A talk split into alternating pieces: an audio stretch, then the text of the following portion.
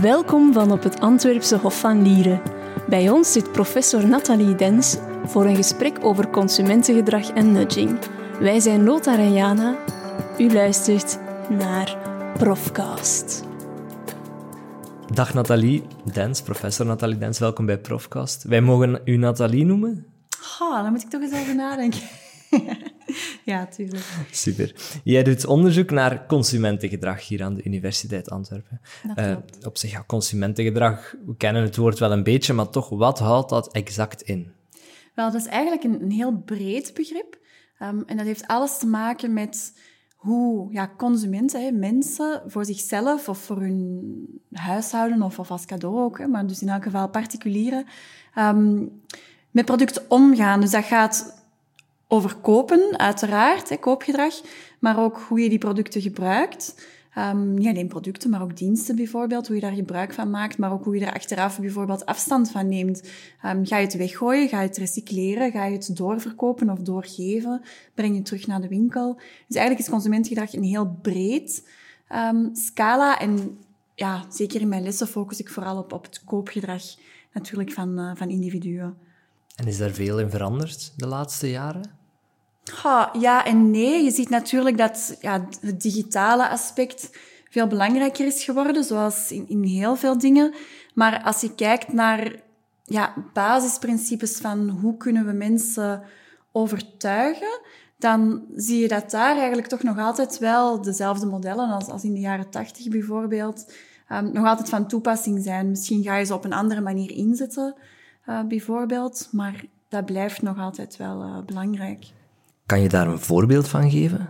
Wel, een van de dingen die eigenlijk de laatste jaren heel veel aan belang heeft gewonnen, is bijvoorbeeld het effect van um, ja, perifere elementen of heuristieke elementen. Dus het inzicht eigenlijk dat mensen niet kopen op basis van, van rationele overwegingen, Um, en dat ze die, die, eigenlijk vaak achterwege laten, maar heel vaak ja, irrationeel gaan kopen op basis van emotie. Dus bijvoorbeeld, je ziet op booking.com, um, er zijn nog maar twee kamers beschikbaar. En dat doet iets in je brein, hè, um, waardoor je toch geneigd bent om plots die kamer meer te willen. Want als je niet snel genoeg bent, dan ben je die, die kans misschien kwijt. Of hè, promoties zoals Black Friday, die maar één dag geldig zijn, waar mensen dan heel sterk, heel emotioneel op reageren. En dat is iets waar we al, ja, dat we eigenlijk op zich al heel lang weten, maar waar je nu merkt dat de laatste jaren daar toch wel heel veel aandacht voor is, voor de kracht van, van die emoties. En dat gaat dan niet alleen om, om die perifere dingen, maar ook bijvoorbeeld um, het belang van waarden, uh, die heel belangrijk zijn. Dus je ziet meer en meer dat merken bijvoorbeeld een standpunt beginnen innemen over bijvoorbeeld um, inclusiviteit, bijvoorbeeld um, racisme en dergelijke. En dan merk je eigenlijk proberen om voor iets te staan. En dat we inderdaad zien van ja, mensen kopen je product minder om, om ja, de producteigenschappen, maar meer om, omdat ze een connectie willen krijgen met dat merk, meer om, om waar het merk voor staat eigenlijk. Jullie zagen waarschijnlijk ook wel impact van corona op het consumentengedrag. Uh, wat we daar ja, dat is een beetje een binnenkopper en grote verrassing, is natuurlijk de groei van online. Um, mensen konden niet naar de fysieke winkels. Uh, dus je merkt dat um, ja, ook heel veel lokale winkels eigenlijk toch zijn overgestapt en in, in allerijl misschien eh, heel snel, snel uh, in het begin rudimentair, maar toch ook webshops hebben opgezet en dat klanten toch ook hun, hun weg daar naartoe gevonden hebben. Um, nu, dat is een trend hè, die we natuurlijk al jaren zagen, die is gewoon nu in, in een stroomversnelling terechtgekomen. Um, tegelijk ook wel weer een beetje die, die terugkoppeling naar we moeten lokaal kopen. Hè. We zagen bijvoorbeeld in, in grote, steden, grote steden waren de plaats om te vermijden eigenlijk. Hè. Antwerpen Centrum was niet iets waar je uh, wilde zijn op dat moment. Um, en ook niet makkelijk bereikbaar, want ja, je mocht alleen essentiële verplaatsingen maken. Um, dus ja, weer terug de lokale groenteboer ontdekken, want de supermarkt was misschien zelfs ook al niet meer safe op dat moment. Uh, terug de lokale kledingzaken uh, gaan ontdekken, want uh, je, wil eigenlijk de grote stadscentra vermijden. Dus ook dat is een trend waar we al, het winkelhieren en het, het kooplokaal, um, waar die al wel eventjes bezig was, maar die ook, ook hier weer een, een, boost heeft gekregen door corona, omdat mensen ja, te voet en met de fiets op stap waren en eh, misschien zelfs wel gewoon leuke plekjes ontdekt hebben in hun, in hun eigen omgeving. Uh, ik zelf ben bijvoorbeeld uh, terug naar de plaatselijke groenteboer gegaan, was het, het uitje met de kinderen, we net op fietsafstand. Um, en um, ja, ik ga daar nu een jaar na datum, of anderhalf jaar na datum, ben ik daar nog steeds klant. Dus je ziet wel dat daar, um, dat daar dingen veranderd zijn. En wie zijn de grootste winnaars? Zijn dat de lokale spelers zoals uw groenteboer, of blijven dat eigenlijk toch de Amazons en de Zalando's? Ja, je ziet natuurlijk dat die een enorme voorsprong hadden qua, qua online. België is eigenlijk heel traag op gang gekomen qua online verkoop. Dus dat is typisch een fenomeen dat zich al jaren voordoet. België kopen meer in het buitenland. Ze staan daar ook niet altijd bij stil. Um, Coolblue heeft nu wel een extensie.be, maar ja, in essentie is het een Nederlandse webshop, bol.com, Amazon, de voorbeelden die je geeft, uh, net hetzelfde. Dus um, ja, dat is iets dat zich natuurlijk ook heeft, heeft voortgezet. Die hadden een goed, klantenbestand, uh, waar zij goede infrastructuur. Um, dus zij hebben daar een enorme voorsprong gehad. En uh, ja, de data die zij hebben van, van, van hun klanten heeft hen ook in staat gesteld om, om heel snel hun, um, bijvoorbeeld hun assortimenten aan te passen, om heel snel te reageren. En ja, mensen hebben al een account bijvoorbeeld bij Zalando, dus gaan daar sneller um, aan denken ook, hè, dan dat je nadenkt over, ja, zou de lokale winkel hier in de, dorp ook een webshop, je moet die dan al vinden, je moet daar een account aanmaken. Het is weer allemaal moeilijker, dus ja, voor die lui consumenten is het veel makkelijker. Um, en het idee leeft denk ik ook bij veel mensen nog steeds dat het toch goedkoper is hè, bij de grotere spelers. Wat, uh, wat zeker niet altijd het geval is. Dus dat is uh, bij hier ook misschien een, warme oproep toch uh, op zijn minst te vergelijken met de lokale spelers. Nathalie Dens focust zich in haar onderzoek ook op nudging. Ja, nudging is ook weer een concept dat op zich niet nieuw is en, en, eigenlijk uit economie komt, maar dat ook de laatste jaren weer enorm veel aan aandacht heeft uh, gewonnen. En nudging betekent eigenlijk letterlijk vertaald iemand ja, een duwtje geven. Een nudge is een kleine por die je iemand geeft. En eigenlijk is het idee daarachter dat, het komt vanuit, zoals ik zei, vanuit economie, vanuit behavioral economics, um, dat we dus eh, mensen eigenlijk ja, goed kennen, dat we die moeten zien als irrationele wezens. Mensen hebben op zich goede intenties, maar op het moment dat ze een keuze moeten maken, laten ze zich leiden door emoties, laten ze zich leiden door eh, korte termijn doelen die vaak veel meer genot opleveren dan op langere termijn je gezondheid of iets doen dat goed is voor je gezondheid. Um, en dus als we dat begrijpen, dat mensen eigenlijk die, die keuzes maken, die irrationele keuzes, dan kunnen we eigenlijk daarin ingrijpen door bijvoorbeeld de omgeving te veranderen. Door bijvoorbeeld aan de lift voetstappen te zetten richting de trap, zodanig dat je mensen eigenlijk ja, een klein duwtje geeft en aantoont van kijk, die trap is hier niet zo ver van. Uh, zodanig dat ze misschien op die manier bijvoorbeeld minder de lift gaan gebruiken. Je zei net dat het vanuit de economie komt, maar komt het ook niet een beetje uit de psychologie? Ja, het is een beetje een combinatie. Het zijn eigenlijk de psychologische invloeden in de economie. Um, een van, de, van mijn favoriete uitspraken is: uh, Marketing is the science of knowing what economists are wrong about. Omdat als je kijkt naar pure economie, die gaat inderdaad mensen als, als rationele um, wezens beschouwen. Terwijl inderdaad die psychologische invloed die daarin gekomen is, is van we moeten inderdaad begrijpen dat mensen eigenlijk niet altijd uh, handelen in hun, in hun eigen bestwil, eigenlijk, als het ware. Wordt nudging alleen ingezet voor positieve dingen? Of, of zijn er ook voorbeelden van dat dat eigenlijk wordt gebruikt om, om net negatief consumentengedrag te beïnvloeden?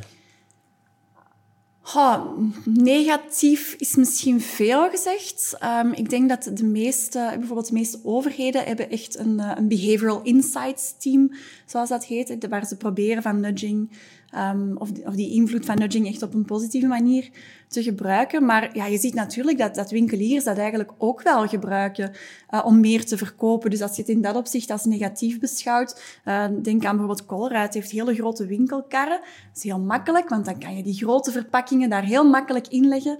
Um, en tegelijkertijd, ja, als je daar maar één blikje cola in legt, dan lijkt het plots zo leeg, die kar. Dus um, ja, op die manier kan het ook wel ingezet worden om, om mensen, met het voorbeeld dat ik ga van Booking.com, kan eigenlijk ook een beetje als een nudge beschouwd worden. Dus bijvoorbeeld een roker die een pakje sigaretten koopt en ze zetten daar foto's op van nogal uh, lelijke lichaamsdelen. en wat dus eigenlijk de gevolgen zijn van lang roken, dat is ook een beetje een vorm van nudging. Of totaal niet? Ha.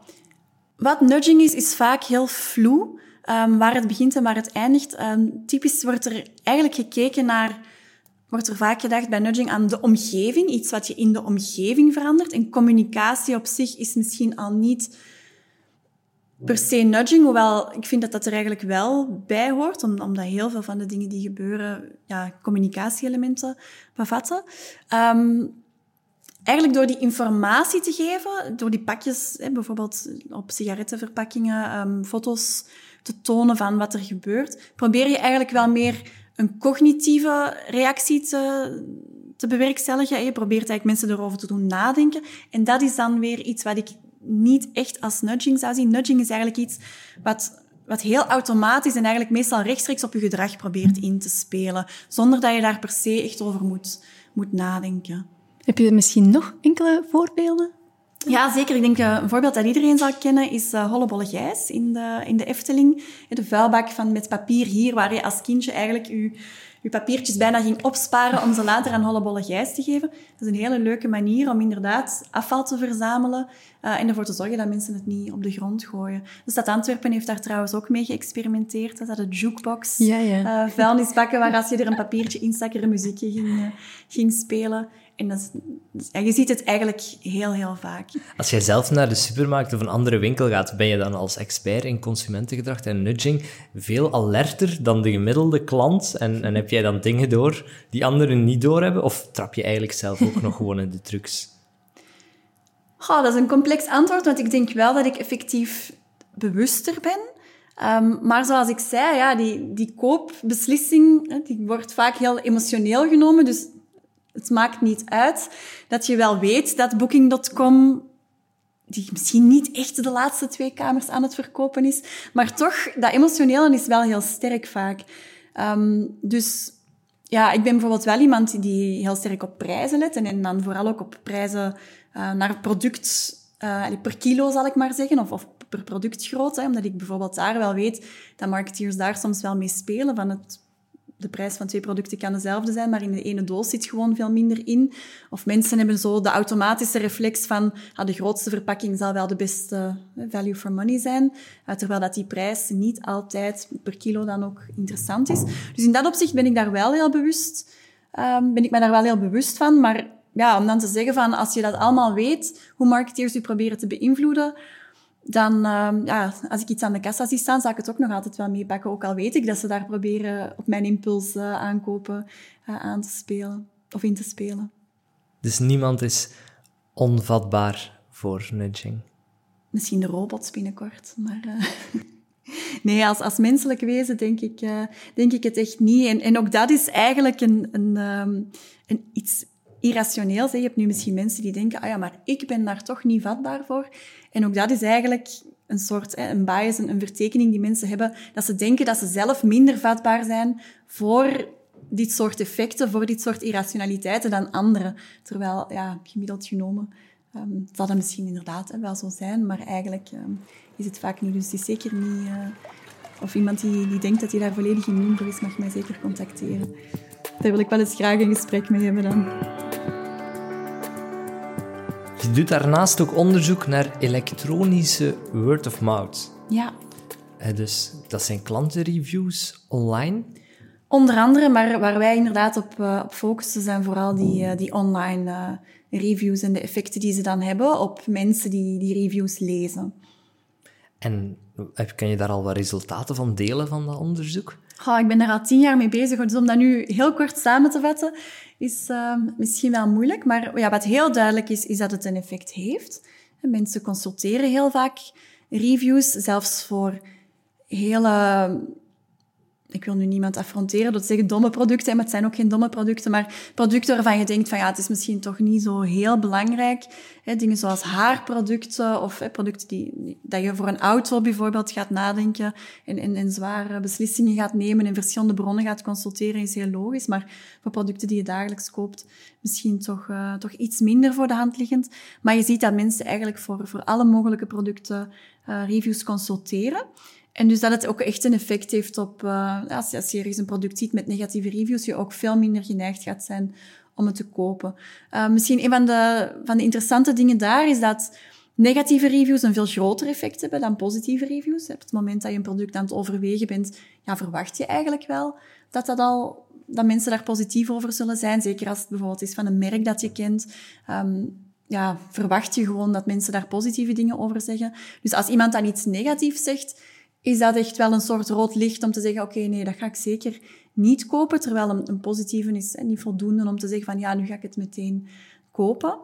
Um, andere dingen die we, ja, ook, ook hier hebben we eigenlijk gevonden dat mensen dat ook niet op een hele rationele manier altijd benaderen. Dus als je uh, bijvoorbeeld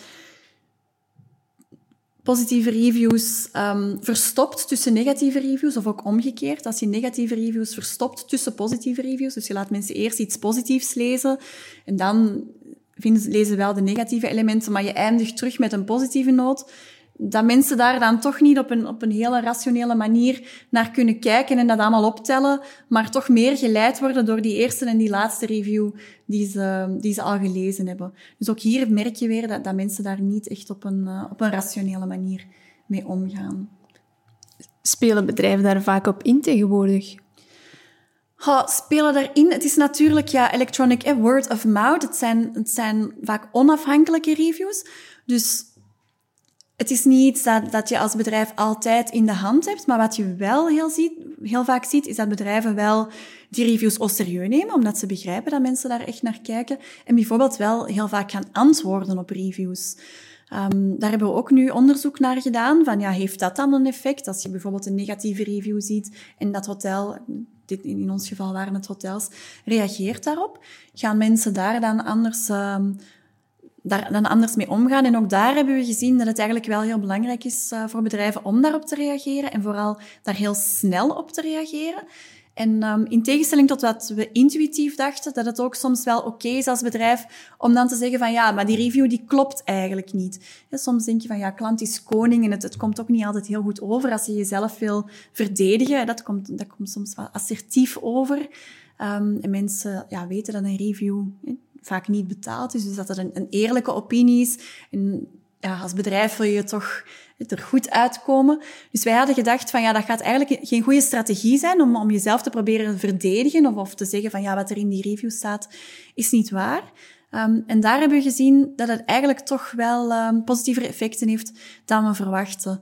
Um, dat heeft waarschijnlijk ook te maken met het feit dat opnieuw mensen vaak niet die ene negatieve review in isolement zien, maar ook wel andere positieve reviews zien. Dus dat ze weten van ja, dat hotel is inderdaad waarschijnlijk wel prima. Dat heeft overal een goede score. Dus als er dan iemand is die iets negatiefs zegt, dat het ook wel legitiem is dat dat bedrijf daarop reageert en, en zich probeert te verdedigen.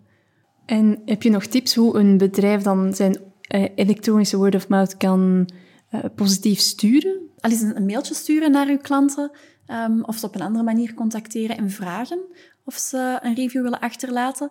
Um, hoe makkelijker je het maakt daar ook, hoe, hoe vaker mensen daarop gaan ingaan. Hè.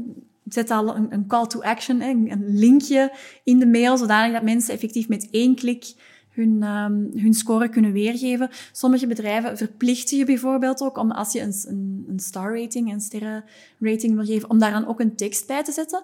Um, aan de ene kant is dat positief. Hè. Reviews die, waar tekst bij staat, kunnen mensen beter beoordelen van ja, is dat een review waar ik effectief belang aan wil hechten. En, en een van de onderzoeken die we, of uit ons onderzoek blijkt ook dat reviews die bijvoorbeeld zowel positieve als negatieve elementen um, bevatten, dat mensen daar meer belang aan hechten, daar meer geloof in hechten en, en die het ook zinvoller vinden, omdat je dan ook ja, een beetje de voor- en de nadelen van een product kan, um, kan gaan inschatten.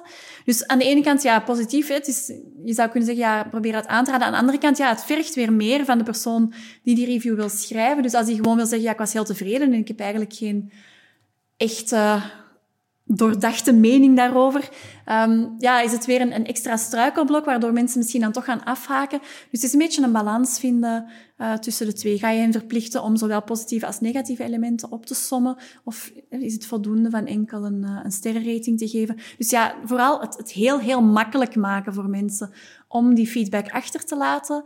Um, ook weer een beetje, eigenlijk een beetje een nudge. Mensen zijn van nature lui.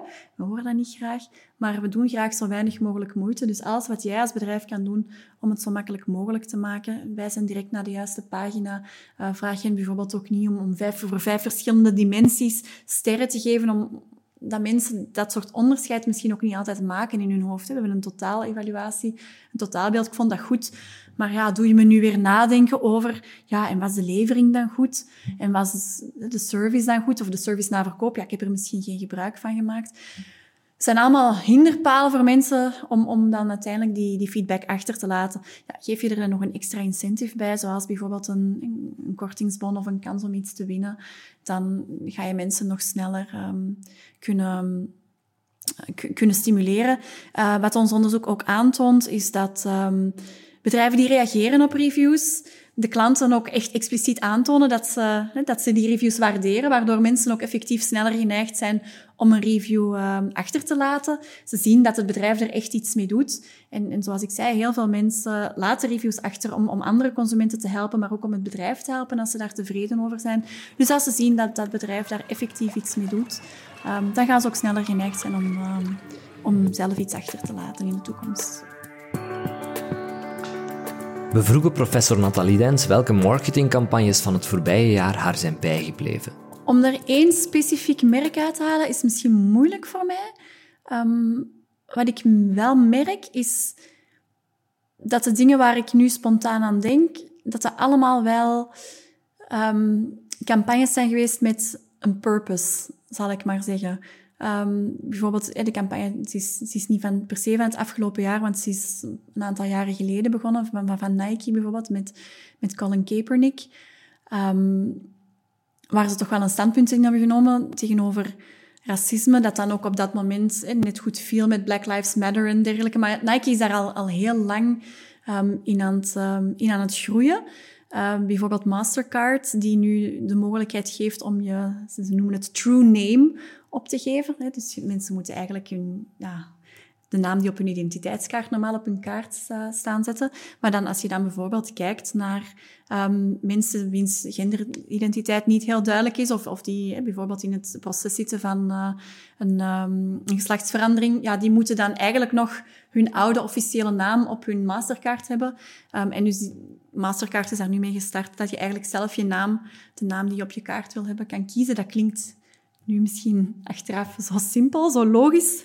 Um, maar dus dat zijn, zijn dingen die, die wel iets teweeggebracht hebben, denk ik. Um, en ja, waar het een stukje een, een reflectie is van trends die zich voort, of die, die al leven in, in de maatschappij, maar waar je merkt dat bedrijven toch wel meer en meer het voortouw ook proberen te nemen en, en ook echt mee willen deelnemen aan het maatschappelijk debat en, en, daar ook wel echt een, een, positieve verandering uh, willen inzien. Merk ook meer en meer um, campagnes waar ik denk, bijvoorbeeld inclusiviteit um, wordt ook heel belangrijk, maar waar ik denk dat dat op een, een heel spontane manier heel goed gedaan is. Hè. Inclusiviteit is heel lang geweest. Laten we daar mind the language, hè, een, excuus Marokkaan bij wijze van spreken inzetten, zodanig dat we toch ook hè, de, de, minderheden in de samenleving uh, gerepresenteerd zien in de, minderheden in de samenleving gerepresenteerd zien in onze Um, in onze eh, reclames bijvoorbeeld, maar, maar vaak op een heel stereotype, knullige manier. En, waar je merkt dat heel veel mensen, die campagne van Telenet bijvoorbeeld, vind ik heel mooi, ook um, dat op een hele natuurlijke manier een, heel breed um, scala van mensen aan te passen of, of wordt getoond, die ja, een hele goede reflectie is van, van hoe onze maatschappij daaruit ziet. Dus dat zijn, ik denk dat de goede campagnes misschien niet per se degene zijn waar je echt heel opvallend zegt van aha, dat is nu echt een goede campagne. Um, maar die, ja, waar je eigenlijk op een heel natuurlijke manier um, ja, positieve veranderingen um, ziet gebeuren. Staan er dingen nog op je uw Antwerpen bucketlist dat je denkt dat zou ik nog willen, hier nog willen doen de komende jaren? Qua onderzoek of qua andere uh, bezigheden? Niet echt eigenlijk. Ik, ik ben hier ook maar ingerold, toevallig. Um, ik, um, ik had eigenlijk een heel andere carrière voor ogen en dan ineens op in het laatste jaar werd mij die vraag gesteld van ja, je hebt eigenlijk hele hoge graden, zou je niet willen doctoreren? En ik dacht van, ja, why not? En dan was ik bijna klaar met mijn doctoraat en dan ging een van de professoren op, uh, op pre-emeritaat, ook vrij onverwacht. En dan was dat zo van, ah ja, Nathalie, dan is dat iets voor jou misschien. En ja, het was ook zo weer verder van, ja, waarom niet? En ik probeerde wel een aantal jaar en dan, ja, wordt het niks, dan uh, probeer ik het ook wel op een ander. Dus het is eigenlijk met alles in mijn carrière wel zo'n beetje gekomen dat de dingen op mijn pad gekomen zijn. En ik ben daar wel vaak op gesprongen. Ik ben iemand die in het algemeen wel heel enthousiast is en, en uitdagingen aanneemt. Maar het is zeker niet zo dat ik denk van, dit wil ik nu nog per se bewijzen. Misschien als ik ja, één ding moet zeggen, is soms misschien toch wel eens een, een publicatie in echt een toptijdschrift. Maar tegelijkertijd denk ik ook, de weg is heel lang daar naartoe. En, en dat brengt ook heel veel frustratie met zich mee. Dus nu, ik ben eigenlijk wel heel content met uh, de manier waarop alles gelopen is. Ik denk dat dat ook in het algemeen mijn levensfilosofie is. Als je continu zit te verlangen naar dingen die nog moeten komen, dan mis je soms de dingen die nu gebeuren. En ik probeer dat ook aan mijn kinderen mee te geven. Van, die hebben dat ook heel hard van, we zijn iets aan het doen. En dan wat gaan we straks doen? En dan denk ik, nee, geniet even van het moment nu. En dan zien we straks alweer wat er komt. Dit was Profcast met Nathalie Dens. Bedankt voor het luisteren. Wil je meer horen? Surf dan zeker naar uantwerpen.be-profcast.